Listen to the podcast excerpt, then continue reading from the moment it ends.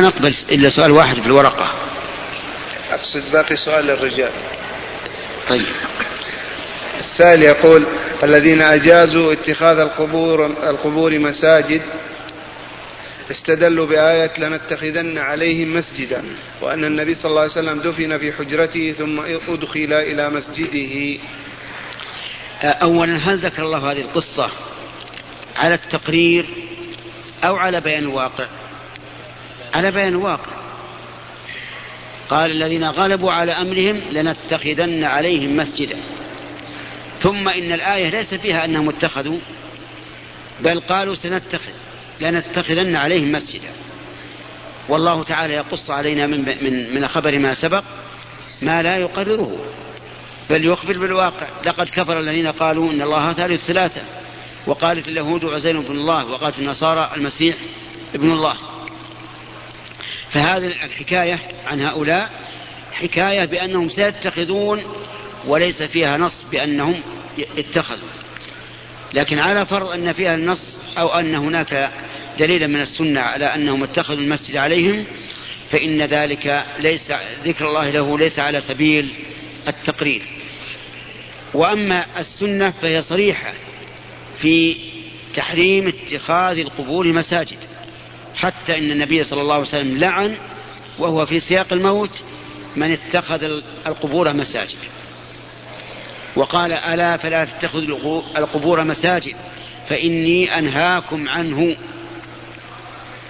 وأما قبر النبي عليه الصلاة والسلام فإن القبر لم فإن النبي صلى الله عليه وسلم لم يدفن في المسجد ولم يبنى مسجده على قبره. أما كونه لم لم يدفن في المسجد فأمر ظاهر. دفن في أي مكان؟ في حجرة عائشة رضي الله عنها. وأما كونه لم يبنى عليه مسجده فظاهر أيضا. بل أظهر. الرسول عليه الصلاة والسلام بنى مسجده بعد أن نبش القبور منه وطهر طهر أرضه من القبور ثم بنى المسجد. ولم يبني مسجد ولم يبني مسجده على قبره وهذا معروف يعني ما يحتاج ان أنفيه لأنه واضح. لكنه لم يدفن في المسجد. دفن في حجرته ولم يحتاج الناس إلى زيادة المسجد في زمن الوليد. آه، زيد في المسجد. وهدمت حجر النبي عليه الصلاة والسلام. وأدخلت في المسجد وبقيت الحجرة بناء مستقلا. ليس داخل المسجد. مستقل. واضح. يعرف. ولا إشكال فيه. ثم إنه يجب علينا أن لا نعارض فعل الناس أن لا نعارض قول الرسول بفعل الناس. يعني لو فرضنا إنه دخل في المسجد بدون أن يكون هناك مقصورة منفردة فإنه إذا فعل ليس يعني ذلك أن كلام الرسول يهدر ويترك وهو يقول ألا فلا تتخذوا القبور مساجد فإني أنهاكم عن ذلك. نعم. جزاكم الله خيرا.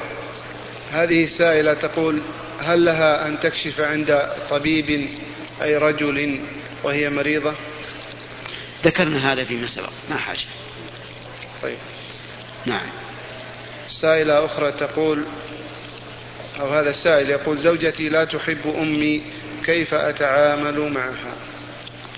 عاش. نعم زوجته لا تحب أمه كيف يتعامل معها؟ نقول تعامل بما أمرك الله به. وعاشروهن بالمعروف. أما عدم محبتها للأم فالواجب عليه أن يحاول الإصلاح بينهما. فإن لم يمكن فإنه يعاشر أمه بما يجب أن يعاشرها به ويعاشر زوجته بما يجب أن يعاشرها به. أمه لها التوقير والاحترام والبر والزوجة لها المعاشرة الزوجية. نعم. جزاكم الله خيرا. سائل يقول ما معنى قول الله سبحانه وتعالى قل إن كان للرحمن ولد فأنا أول العابدين؟ معنى الآية الكريمة أنه إن قدر أن للرحمن ولدا. فإن, فإن النبي صلى الله عليه وسلم أول العابد لذلك الولد. ولكن هل هذا ممكن؟ لا هذا كقوله تعالى فإن كنت في شك مما أنزلنا إليك فاسأل الذين يقرؤون الكتاب من قبلك وقوله لئن أشركت ليحبطن عملك فالرسول لا يمكن أن يشرك ولا يمكن أن يكون في شك. لكن هذا من باب بيان قوة امتناع الشيء. فقوله إن كان للرحمن ولد أي أنه ممتنع غاية الامتناع. نعم. جزاكم الله خيرا. وهذا سائل آخر يسأل عن معنى قول الله, قول الله سبحانه وتعالى هو الأول والآخر والظاهر والباطن. نعم. آه، تفسير القرآن يجب أولا أن يفسر القرآن بالقرآن. فإن لم يمكن فبالسنة. وقد فسر النبي صلى الله عليه وسلم هذه الأسماء الأربعة بقوله أنت الأول فليس قبلك شيء. وأنت الآخر فليس بعدك شيء. وأنت الظاهر فليس فوقك شيء. وأنت الباطن فليس دونك شيء. يعني أنه محيط بكل شيء لا يحول دونه شيء من المخلوقات. نعم. جزاكم الله خيرا. سائل يقول هل يجوز الأخذ من اللحية حتى ولو كانت طويلة أكثر من القبضتين؟ نعم. إن النبي صلى الله عليه وسلم قال وفروا اللحى أرخوا اللحى أوفوا اللحى ولم يأذن بقصها ولا بحلقها. وأما ما, روي ما ورد عن عبد الله بن عمر رضي الله عنهما أنه كان إذا حج أو اعتمر قبض على لحيته فقص ما زاد على القبضة فهذا من فعله رضي الله عنه والاحتجاج بروايته لا, لا, لا برأيه. ثم إنه ليس يفعل ذلك دائما وإنما يفعله في النسك فقط. فلا يحتج به على جواز الأخذ من اللحية. نعم لو فرض أنها طالت طولا مشوها فوصلت مثلا إلى ساقه فحينئذ لا بأس أن يقص ما كان مشوها. أما إذا كانت مما جرت به العادة والناس كلهم لا, لا يستنكرون هذا ولا يرونه عيبا فإنه لا يأخذ منها شيئا. نعم. هذه امرأة, امرأة تقول نصيحة للنساء على عدم التبرج. على عدم التبرج. أو على التبرج. على التبرج. نعم. آه، الواقع أن التبرج مع الأسف الشديد موجود في, في بعض النساء. ولكن الاحتجاب الشرعي موجود أيضا في كثير من النساء والحمد لله. لكن نصيحتي لأخواتي أن يتقين الله عز وجل وأن يعلمن أن رسول الله صلى الله عليه وعلى آله وسلم قال ما تركت بعدي ما تركت بعدي فتنة أضر على الرجال من من النساء والشر كل الشر في فتنة النساء ومعلوم أن المرأة إذا خرجت متبرجة أو متطيبة أو كاشفة وجهها من المعلوم أن الرغبات سوف تتعلق بها وتحصل الفتنة. فعلى المرأة أن تتقي الله وأن تخاف الله وأن تغطي الوجه وما يكون به فتنة سواء كانت في السوق العام أو في السوق الخاص. نعم. جزاكم الله خيرا. هذا السائل يقول أرجو من فضيلتكم أن تبينوا موقف موقف الأمة من خلاف الآئمة.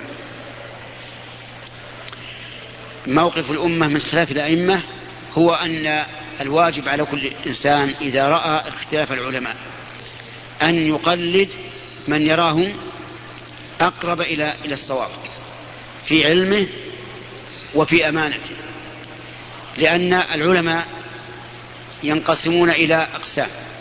أولا من من يكون عالما واسع العلم لكن ليس عنده أمانة ما هو مؤتمن؟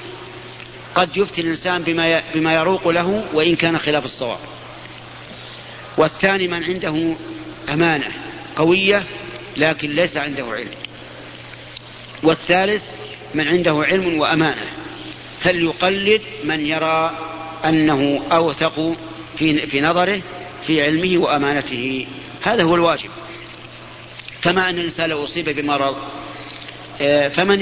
إلى إلى من يذهب من الأطباء؟ إلى من يرى أنه حاذق وأنه مطلع وأنه أمين. هذا هو موقف الإنسان من اختلاف الأئمة. نعم. جزاكم الله خيرا. هذا يقول السائل كان والعياذ بالله كافرا وأسلم والحمد لله الحمد لله. وتزوج امرأة قبل إسلامه وت- بدون وتزوج وتزوج. من امرأة؟ طيب. وتزوج من امرأة بدون عقد. والآن معه أولاد وقد كب- كبروا والحمد لله. وعمره 45 سنة. يقول العلماء رحمهم الله إن الرجل إذا أسلم وقد تزوج امرأة بغير عقد نكاح شرعي لكنهم يعتقدون ذلك نكاحا فإن الواجب فإن الواجب أن تبقى الزوجة. إلا إذا كانت في هذه الحال لا تحل له. مثل أن يكون مجوسيا والمجوسي يجو يرى أنه يجوز أن يتزوج ذات المحارم. يعني المجوسي يرى أنه يجوز أن يتزوج أمه أو أن يتزوج بنته أو أخته. فإذا قدر أنه مجوسي تزوج أخته ثم أسلم فهنا يجب التفريق بينهما. لأن المرأة الآن تحل أو لا تحل؟ لا تحل. أما إذا كان تزوجها بعقد غير شرعي لكنهم يعتقدونه نكاحا فإنهم يبقون على نكاحه ولهذا أقر النبي صلى الله عليه وسلم المسلمين الذين أسلموا أقرهم على نكاحهم ولم يفسخ نكاح أحد منهم. نعم. جزاكم الله خيرا. سائل يقول هل هل يجوز لي أن أذهب بأمي إلى قصور الأفراح والتي فيها المعازف والغناء؟ لا. لا يجوز أن يؤدي الإنسان أن يوصل الإنسان أمة أو أخته أو ابنته إلى بلاد الأفراح التي فيها المنكرات إلا إذا كان لأمه سلطان تستطيع أن تمنع هذه المنكرات فلا بأس. لكن بدون أن يكون لها سلطان فلا يجوز لأن الله تعالى يقول ولا تعاونوا على الإثم والعدوان. آخر سؤال. لأن الآن شوف أهم شيء كل الحقيقة مهمة شيخ لكن نختارها نعم. أقول الأسئلة كلها مهمة. بالنسبة لا. لنا. بعضها أهم. يقول السائل دخلت المسجد في أيام مطر ووجدت الجماعة يصلون العشاء وقت المغرب أي جمعا. وأنا, وأنا أريد صلاة المغرب مع العلم بأني لا, لا, وجدت الناس يصلون العشاء. آه، يصلون العشاء نعم. وقت المغرب. إيه. نعم. وأنا أريد صلاة المغرب مع العلم بأني لا أعرف أي صلاة يصلونهم فصليت معهم ولما قام الإمام للركعة الرابعة ترددت ماذا أفعل إيه نعم. يعني إنه إيش فعل الآن؟ المسألة انتهت الآن تردد ماذا يفعل ماذا فعل؟ ما أخبر السائل موجود الآن على كل حال نحن نذكر حكم المسألة إذا دخلت في أيام المطر والناس يصلون ولا تدري أن أيصلون العشاء والمغرب فانوي المغرب. ثم إن كانت العشاء وقد أدركتهم في أول ركعة فإذا قام الإمام إلى الرابعة فاجلس وكمل الصلاة وسلم ثم ادخل مع الإمام فيما بقي من صلاة العشاء. حتى لو كنت تدري أن هذه العشاء. وإذا دخلت معه في الثانية فماذا تصنع؟ نعم تسلم معه لأنك صليت ثلاثا. وإن دخلت في الثالثة تأتي بواحدة. على كل حال ادخل معهم بنية المغرب ولا يضر اختلاف النيتين لأن هذا آه، ال- الاختلاف ليس مؤثرا. الاختلاف الذي نهى عنه الرسول أن تتخلف عنه في الركوع أو السجود أو القيام أو القعود. وإلى صباح غد إن شاء الله تعالى بعد صلاة الفجر. والحمد لله رب العالمين وصلى الله وسلم على نبينا محمد وعلى آله وأصحابه أجمعين.